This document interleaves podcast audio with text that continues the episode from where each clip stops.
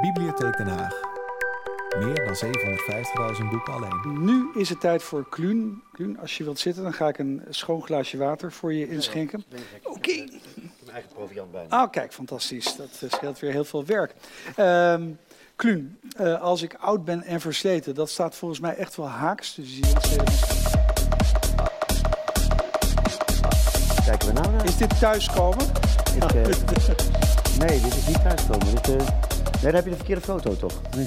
Eh, nee, maar eh, we we krijgen meteen enthousiast als Ja. iedereen is. eh dancemuziek in de breedste Ja. zin dan voor de Ja. oren.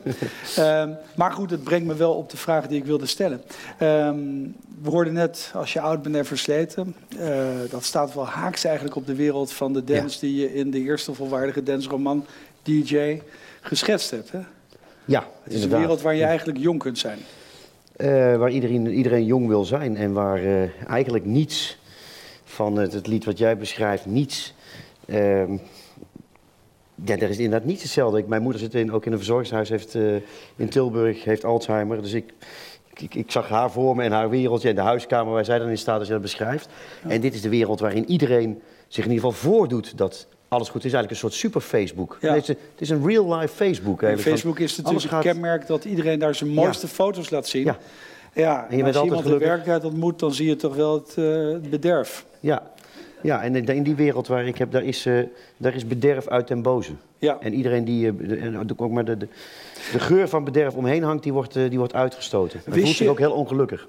Kijk, ik weet dat je van techno houdt, maar los daarvan, was dit de wereld waarin je meteen ook wist als romancier dat dat de wereld moest zijn, dus deze glamourwereld in feite, deze verheerlijking van jeugd en vitaliteit eh, zonder gebreken, wist je dat dat de wereld moest zijn waarin je Kluun werkelijk zo diep mogelijk moest laten zinken. Ik heb het over het personage Kluun. Eh, nou, gek genoeg, het, het begon ooit als een, eh, als een theaterstuk. Ja. Ehm, eh, de, de makers van eh, de eh, Soldaat van Oranje in Katwijk, hier met die prachtige hangaar. De meeste mensen hebben het wel ooit ooit gezien met theater en vliegtuigen buiten en motoren om je heen. En er zijn een vriend van mij, ehm, die ook met mij de Night Riders avonden organiseert, waar we een poging doen om... eh, niks mis met literaire avonden, maar een poging om dat wat meer theatraal te maken en zo. Ja. Hij zei van, het is heel gek, maar je hebt musicals over alle muziek. Je had Grease, je had Saturday Night Fever, je had Flashdance in de jaren 80, je had Hair. Ja. Maar er is, de house, de dance bestaat sinds 1987 en er is er nooit een theaterstuk over gemaakt, muziektheater. En zei hij, zou je, die tekst, zou je dat niet willen doen? Zei, dat lijkt me heel leuk. We hebben een projectgroepje gevormd met eh, Robin de la Vita, die dit, die het Soldaat van Oranje deed. Met Duncan Stutterheim van IDT, die de Sensation Face en zo doet. En toen ben ik gaan schrijven. En in eerste instantie waren er twee DJ's. Het was een DJ zoals DJ Toch, een, die, de, de 10 million dollar man wordt genoemd. Want dat Die- moet ik wel vertellen. Hè. Van Ja. Kluun eh, krijgt het zwaar voor de kiezen. Hij is eh, gescheiden, om, gescheiden om, redenen, om redenen binnen zijn schuld. Hij zit op een armetierig fletje in de pijp. Het mooie huis in de concertgebouwbuurt is er niet meer. Zijn ex eh, vindt hem niet meer aardig. Zijn kinderen mag hij te weinig zien. Eh, hij heeft een paar troosteloze hobby's daar op die kamer. En ja, zijn uitgever verwacht eigenlijk al lang niet meer dat hij de gezellige familieroman gaat schrijven die hij al jaren voorhoudt te zullen schrijven.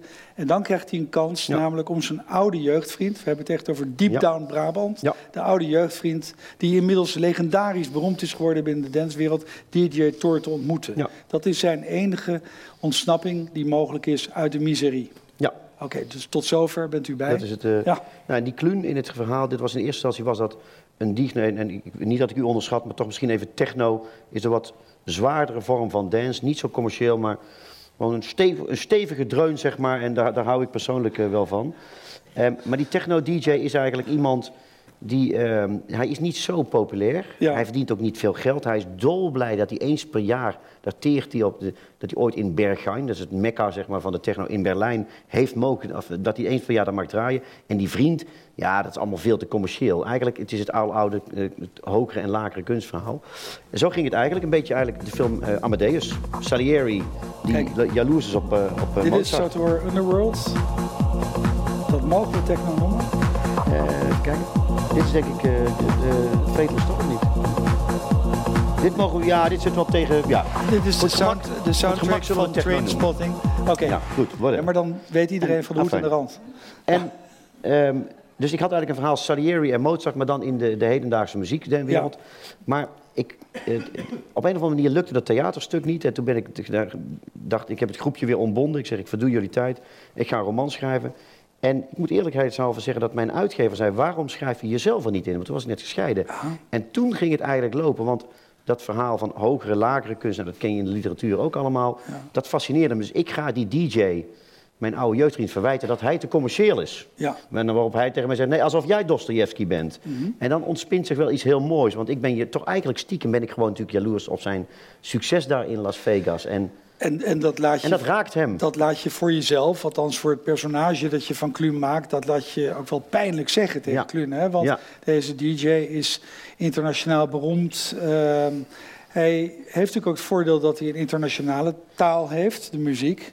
En jij noemt dan het immense succes van je debuut in Nederland als ja. toch een soort ja, peulenschil vergeleken bij dat. Ja, waarop hij zegt dan, uh, in welke landen heb jij dan succes gehad? En wat ook echt waar is, ik heb in Ehm, in Amerika zijn er 1740 boeken of zo verkocht, in alle staten. Ja. In Slovenië daarentegen ben ik koning. Dat heb ik weer. Dat, maar er zijn 3000 boeken verkocht. Er is nooit een auteur die... Is een heel klein land. Ja, dat is een heel klein land. Dat heb ik dan. En dat zegt hij dan ook. Waar, waar heb je dan boeken verkocht? En heb je wel meer dan 100 boeken in het buitenland verkocht? Met uitzondering, met aftrek van die van je familie en zo. Ja. En dan, dan moet ik steeds meer toegeven. Ja, ja, ja. Dus ik, het leuke van het spel is, ik verwijt hem. En op een, een beetje sneuwe, jaloerse eh, manier verwijt ik hem datgene wat ik, laat ik zo zeggen voorzichtig, wel eens de indruk heb dat commercieel minder succesvolle auteurs mij wel eens verwijten. Van ja, maar dat is allemaal makkelijker. En dat spel is heerlijk. Dat is, uh, Ik geniet daarvan. Mhm. Vond je het ook heerlijk om jezelf zo ongunstig af te schilderen? Want je bent echt een heel onaardige jongen in het boek. Ja, ik, ik, echt, nee, ik, ik had, uh, nou, ik kom de vrouw bij de dokter. Daar zijn eigenlijk alleen de lievelingen in, lieve dingen in het boek zijn waar gebeurd. De rest is fictie. Maar ik, uh, ik had het manuscript van DJ aan een, vriend, een goede vriend van me gegeven. En we zaten samen in een, uh, broodjeszaak uh, op de Van Wouwstraat. En ik zeg van, maar had, we hadden er wat over en weer geappt van, uh, hij zei, nou, ik, ik, zeg, maar hoe vond je het boek nou? Ja, dat vertel ik wel als, als we elkaar zien. Dus ik denk, dus het, ik keek je mij zo aan, zei hij, leg mij nou eens uit. Nou ben je 13 jaar na, komt de vrouw bij de dokter. Sommige mensen hebben je wel eens in media gezien en denken, maar misschien is het toch niet zo'n enorme lul.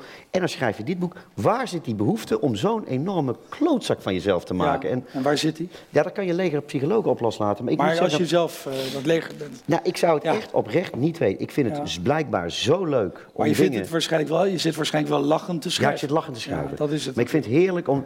Ik, heb erg, ik las ergens in een interview terug, heb ik ergens gezegd... en waarschijnlijk is het dat wel van...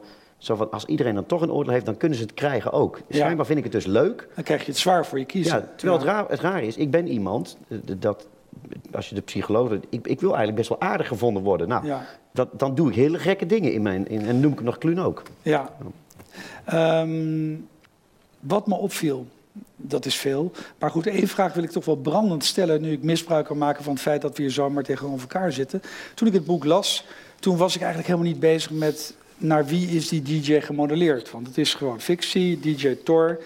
Dan denk ik, hij heeft hem vast wel samengesteld uit allemaal beroemde DJ's. DJ Tiesto, Armin van Buren, noem maar op.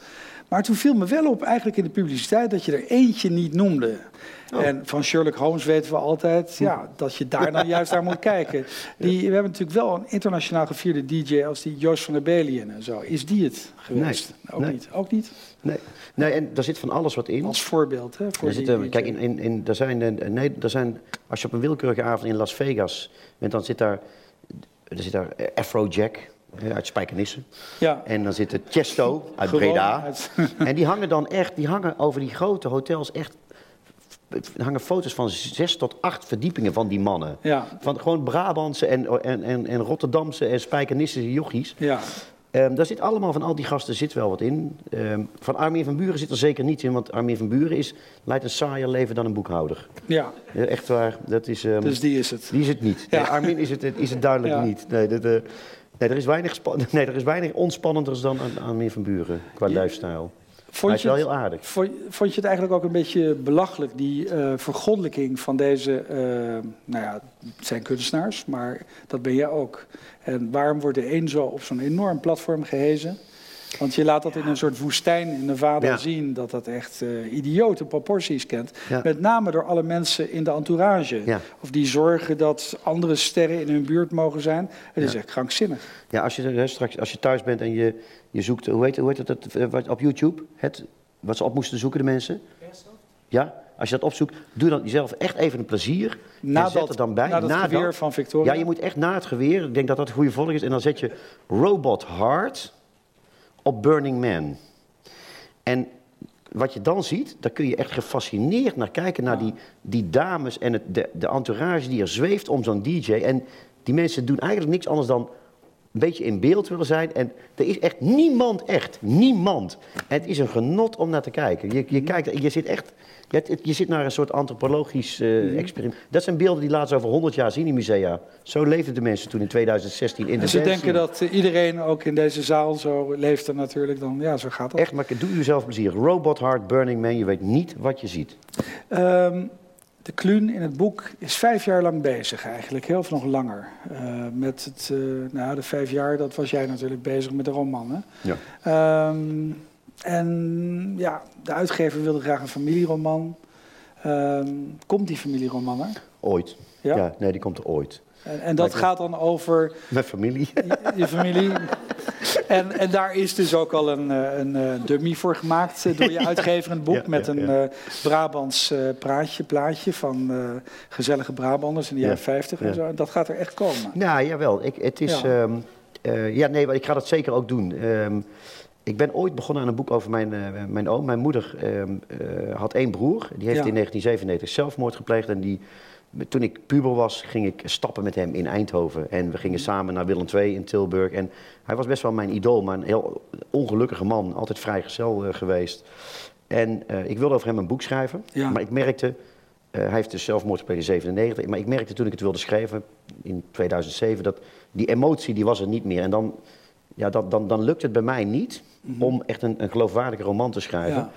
Ik heb het toen laten liggen, maar ik weet zeker, ik, ik, kreeg- ik heb ook steeds meer ideeën gekregen waar die roman over zou moeten gaan. En het zal denk ik toch wel een ode worden aan het gewone leven in een provinciestad, Tilburg. En, Mis je het? ehm, nee, totaal niet. Nee. Maar je gaat wel altijd eh, Ja. trouw naar carnaval. Ja, in Breda. En dat is volgens mij meer dan carnaval. Het is toch volgens mij weer even on- onderdompelen in een Ja. wereld waar je af bent van jezelf, zoals Ja. je nu bent. Nou, ik heb een haat-liefde verhouding, denk ik, met, eh, met, met, Til of met Brabant. En het doe maar gewoon, dat vind ik leuk. Maar niet, dan doe, maar, dan doe het al gek genoeg.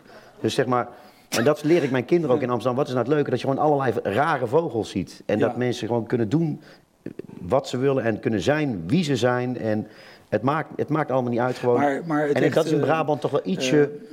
We, wij kennen dat eh, in de literatuur recent uit de roman van Jan van Meersbergen. En geweldig roman. dat is een geweldige Ja. roman. Maar als ik ooit het idee had gehad om naar carnaval te gaan, dacht ik. pff, dat is zwaar werk. Ja. Dat staat maar te hijzen. Dan moet je zo'n maar het is ook mierzoet zo. vies drankje, een vlugel, ook nog tussendoor drinken. Waarom? En uiteindelijk ben je laveloos, val je om en dan ga je maar weer door. Nee, valt nooit om. Nee, valt niet om. Je valt niet om. Nee, ik val niet om. Ik heb wel last, ja, dat klinkt heel raar, maar Ja. ik had, ik werd, eh, we waren dinsdag thuis gekomen en de dag erop, ik had last van een spier wat ik nog nooit, hier, en dat, ik noem het de carnavalspier. Die Je zit had- in je woest gedanst, of- Van het, nou, niet woest, maar blijkbaar van uit dagen en een soort dijnen. Nou, ja, zoals Jan van Mersbergen schrijft inderdaad, die beschrijft zo één avond in de overkant van de nacht. En ja, ik, dat vind ik dus wel leuk, die, die, die humor dan. Dat, dat, het is zeer verdraagzaam. Het Ja. is ni- niet wat iedereen denkt, eh, gericht op, eh, op vrouwen versieren of mannen versieren. Dat lijkt me het is moeilijk humor, als je het is, zo buitennissig gekleed bent. Ja, maar is iedereen, hè? Ik denk niet dat je nou de meest aantrekkelijke buitenkans dan bent. Nee, maar het gaat dan om het hart, hè. Het gaat om het hart. Het gaat om het hart. Ja. Ehm, ik heb het idee bij jou altijd ehm, dat jij met volle teugen ervan geniet om schrijver te zijn. Is dat zo of vind je dat toch wel een beetje een kwelling? Eh, om te schrijven, we je ook leuk? beginnen. Schrijven vind ik heel leuk. Ja, Eh, met name als, het echt, als ik merk van ja, nu begint het goed te worden. Als ik aan de column bezig ben, en dit, dan, dan zit ik te genieten. En gek genoeg, ik geniet in een. ik heb er wel eens met collega's over. De meeste collega's die leveren een- iets in bij een redacteur en dat is dan voor 98% goed. Ja. Ik gebruik mijn redacteur als een soort producer, dus continu overleggen we en leg ik ideeën, ik leg halve ideeën voor. Maar ik gooi, het boek wat hier ligt is 81.000 woorden. De eerste versie was iets van 115.000. En het leukste fase vind ik, dat, die, die laatste, dat laatste jaar, als je echt alleen maar aan het beter maken bent, dan, dan zie ik iets ontstaan. Eh, terwijl in het begin vind ik het af en toe een kwelling en dan vlucht ik ook in van alles. Dus ik ben ook niet iemand zoals Ronald Gippard of AFT van der Heijden die al op hun twaalfde, ja die waren schrijver toen ze geboren Ja. werden. Ik, Ja. ik denk als mijn vrouw nooit was overleden en ik niet de behoefte had om dat verhaal te schrijven in 2001, dan was ik waarschijnlijk nooit schrijver geworden. Dus Mhm. nee, ik geniet niet zo. Ik vind schrijven heerlijk, maar ehm, ik denk dat ik de, dat het is mijn, niet mijn, mijn roeping. Ik vind het gewoon, ja, het is mijn, mijn is- ideale hobby er- en ik heb, er- ik heb de mogelijkheid om dat gewoon de hele, er- de hele dag te doen. Maar er is in je oeuvre wel een vrolijke kant, heeft steeds meer ruimte gewonnen. Hè?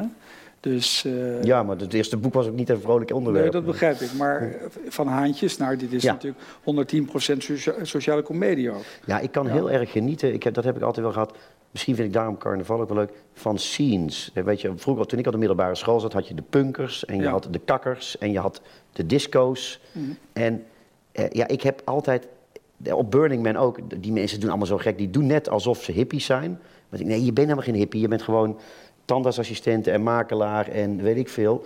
En ik vind het heel grappig als mensen hun, hun, hun identiteit ontlenen aan ja, iets wat ze voordoen te zijn. En, en dat, dat vind ik heel grappig. Nou, dat is in die dance scene. En dat was met Haantjes ook. Die, Ja, dat, dat, dat hele wereldje. Dan, dus ik moet, eh, ik, daar heb ik echt wel heel erg genoeg... eh, ja, daar, daar schep ik wel genoeg van in. Ehm, vind je het leuk om veldwerk te doen voor die romans? Bijvoorbeeld, ik neem aan dat je ook naar dat festival geweest bent. waar- Zeker. En, en dan heb je ook de woestijn, eh, je bent op de grond gaan liggen of je hebt je met zand besprenkeld. Of, Nou, dat, dit- wel even uitleggen voordat er een verkeerd beeld van mij ontstaat. dat was juist de Eh, je- bedoeling Juist, natuurlijk. dat dacht ik al. Ja, daar was ik al bang voor. We zitten goed in onze rol. Ehm, nee, je wordt als je eh, bij Burning Man aankomt, dan eh, word je, ehm, eh, dan moet je, dan vragen ze, are you a virgin? Ben je voor het eerst daar? Dat is een En forse er vraag. Dat is een forse Ja, vraag inderdaad. ja. En ik, ik, ja, voordat ik iets kon antwoorden, zeiden mijn vrienden al, jazeker, hij is hier voor het eerst. En dan moet je gaan liggen en dan moet je jezelf een paar keer omdraaien in het zand, want dan word je één met de woestijn. Ja. En dan zijn je kleren, dan ben je meteen, ja, de kleren zit alles onder het, het zand. Maar het leuke is, die mensen die dat doen, dat zijn wel de echte. Dat zijn mensen van 60, 70 jaar die al hun hele leven burner zijn. En je wordt ook gefeliciteerd dat je burner bent. Ze zijn ook echt blij voor je. Ja. En mensen wensen elkaar op het eind, ja, je gelooft niet, er is zo'n mannetje, de, de man, en die wordt op het eind in, in brand gestoken, zoals al die kunstwerken in die woestijn. En dan wensen mensen elkaar eh, happy burn. Ja, Ja. Dat, nou, dan, en dat zijn mensen ook heel serieus. En dan moet ik zo lachen, denk ja, het is, ook- het is leuk, maar uiteindelijk is het gewoon een soort lowlands in de woestijn. We staan met z'n allen wat eh, om ons vol te gooien en we hebben lol en we zijn hartstikke lief tegen elkaar. Maar doe nou niet net of dit het paradijs is, want morgen ga je weer gewoon terug naar kantoor. Ehm, ik heb, ehm, ehm, we zijn min of meer van dezelfde leeftijd. Ik hou van de muziek die jij eh, eh, zo waardeert, of waar jij van houdt. Maar ik heb nogal wat vrienden die ook van dezelfde leeftijd zijn. Ja. En die gaan juist terug. Die zijn nu al bijna bij Sinatra uitgekomen. Heb ik ook. Wat is het nou dat jij vooruit wilde, de muziek van de toekomst omhelst hebt? Want je bent natuurlijk eigenlijk van de rockgeneratie, hè? Ja. En ik hou ook van Sinatra en ik, eh, Hou je ook van? ik hou ook van Hazes en ik hou ook van Bach. En, eh, ja, maar ik heb die techno, ik vind de energie die erin zit, ehm, vind ik toch wel echt wel...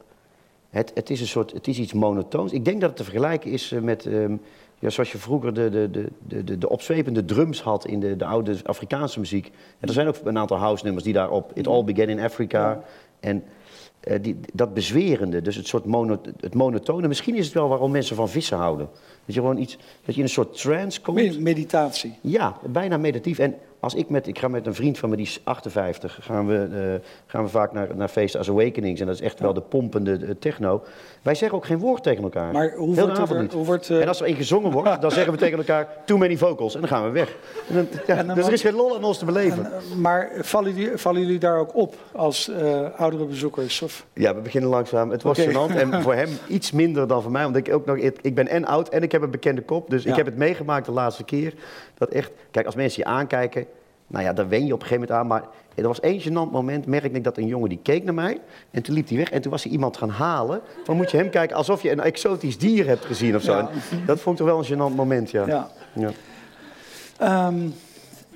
Ehm, Er is, eh, eh, ik volg jou langer, ik ken een aantal van je opvattingen. Er is altijd één waarmee ik het altijd zo hardgrondig oneens mee ben. Het is misschien een leuk moment om dat Je gaat even nu op niet over mijn te. PVV eh voorkeur. Daar weet ik weer niks van. Maar eh, nee, dat is over iets dat me eigenlijk meer bezielt. Dat is, eh, jij bent van het extreme standpunt dat literatuuronderwijs eigenlijk totale onzin is. Dat meen, je- dat meen nee, je echt. Nee. Oh, ik nee, maak nee, het nee. erger. Ho, ho, ho, Nee, maar dit, ja. dit vind ik ook belangrijk. Ja, Ehm, geloof niet dat je in Nederland eh, als middelbare scholier... eh, dat als je in die tijd eh, niet Reven, eh, Mulisch, Hermans en zo hebt gelezen... dat je niet tot volwaardig mens kan opgroeien. Waar ik in geloof, waarom niet? dat zal ik je uitleggen. Oké. Nee, dit, nu wordt het mijn moment. Ehm, ik, ik denk dat het een 15-jarige... Sommige dingen moet je leren op school. Je moet wiskunde leren, je moet de taal leren en zo. Maar wat is nou de doelstelling? Je wilt jongeren de liefde voor lezen... en als het even kan, literatuur bijbrengen. Maar we willen mensen aan het lezen krijgen. Zorg dan dat je dat onderwijs zo doet dat je... Er zullen er een paar in de klas zijn die zeggen... Die, gaan zich heel, die vinden dat fantastisch, want die houden zo van lezen. Die gaan wel Mulies lezen en Hermans. Er zijn er ook een paar, die hebben er helemaal geen zin in... maar die vinden misschien wel die bio... Die vinden misschien Grijp of Kieft leuk. Nou, ik heb liever dat we ze dan in ieder geval aan het lezen krijgen... en Grijp en Kieft. En zeg dan, oké, je mag Grijp en Kieft lezen... maar dan moet je minimaal één andere biografie lezen. En dan willen we ook dat je de verbanden en de verschillen... Kortom, laat ze merken dat lezen wel leuk kan zijn... en hou het binnen hun eigen ding. En ik denk dat je dan veel meer lezers krijgt die later fanatiek lezen. Ik hoor zo vaak van mensen die zeggen... nou, dat was zo'n goed boek, had ik in een paar uur uit. Alsof het leuk is om het uit te hebben. Alsof het een prestatie is. Dus ik noem dat het literatuurlijsttrauma. Dus ik geloof dat, je mensen veel, dat, je, dat we veel meer lezers zouden kunnen krijgen... als je iets milder bent in de dwang die we ze op die leeftijd opleven. Want waarom moeten ze niet verplicht naar Rembrandt eh, en naar eh, Van Gogh... en waarom moeten ze niet verplicht opera, waarom moeten ze niet verplicht naar beeldende kunst. Dat hoeft allemaal niet. Maar literatuur, dat moeten we erin stampen als ze 15 zijn. Ik denk dat averechts werkt. Zo, nou mag even. Nou ja, je brengt het, eh, je bent het eh, voor je doen heel redelijk. Dus er zijn heel veel elementen waar je het vanzelf mee eens kunt zijn natuurlijk. Maar ehm, je leert ze natuurlijk in eerste instantie kijken. Je leert eh, ze, je geeft ze een zodanige bagage mee dat ze zich kunnen redden. Dat lijkt Ja, maar mij ze doen iets- het niet, Jeroen. Want ze doen... Dat weet ik Laat me- niet, ja. Wie heeft er vroeger... Wie heeft er duizend ooit gehad? Der Roten Vaden, weet je wel? De uittrekselboek. Dat kende je beter dan Maar daar Goethe stonden en fouten in, zodat de leraar wist Ja, dat op. je die We uitreksels zijn allemaal geslaagd, we hebben allemaal ateneum, gymnasium Ja, maar gedaan. zonder we, die houden, we, houden, we, houden, Ja. we houden elkaar voor de gek. We houden elkaar gewoon voor Ik de gek. het niet. Maar, eh, Dat pleit voor je. Maar de, voor je. de eigenlijke stelling, en wat je net zegt, ja, we, we zitten hier toch, we kunnen het nu doen. Nee, de eigenlijke stelling is natuurlijk dat je zegt van, je moet ze eigenlijk hun wereld geven, die literatuur. Eh, Ja. En daar ben ik het niet mee eens. Nee, dat hoeft Want ik denk juist dat je ze een wereld moet geven. Ook omdat als je een imitatie geeft van hun wereld in literatuur, dan kennen zij de echte wereld. De echte rauwe wereld van mijn part. Hè? En dan vinden ze dat onzin. Ja. Maar geef je ze een wereld waar ze zich niet alleen voelen, waarnaar ze kunnen ontsnappen, dan heb je ze misschien wel gewonnen voor literatuur. Nou, ik denk ook... Ik En denk, ik, heb, een- ik heb een bewijs trouwens, van DJ. Ja. Hoeveel mensen kennen nou deze wereld echt? Ja. En hij is toegankelijk, je kan er als lezer instappen. Ook als je niks met dance hebt. Die hele dance heb je geen hinder Ja. van.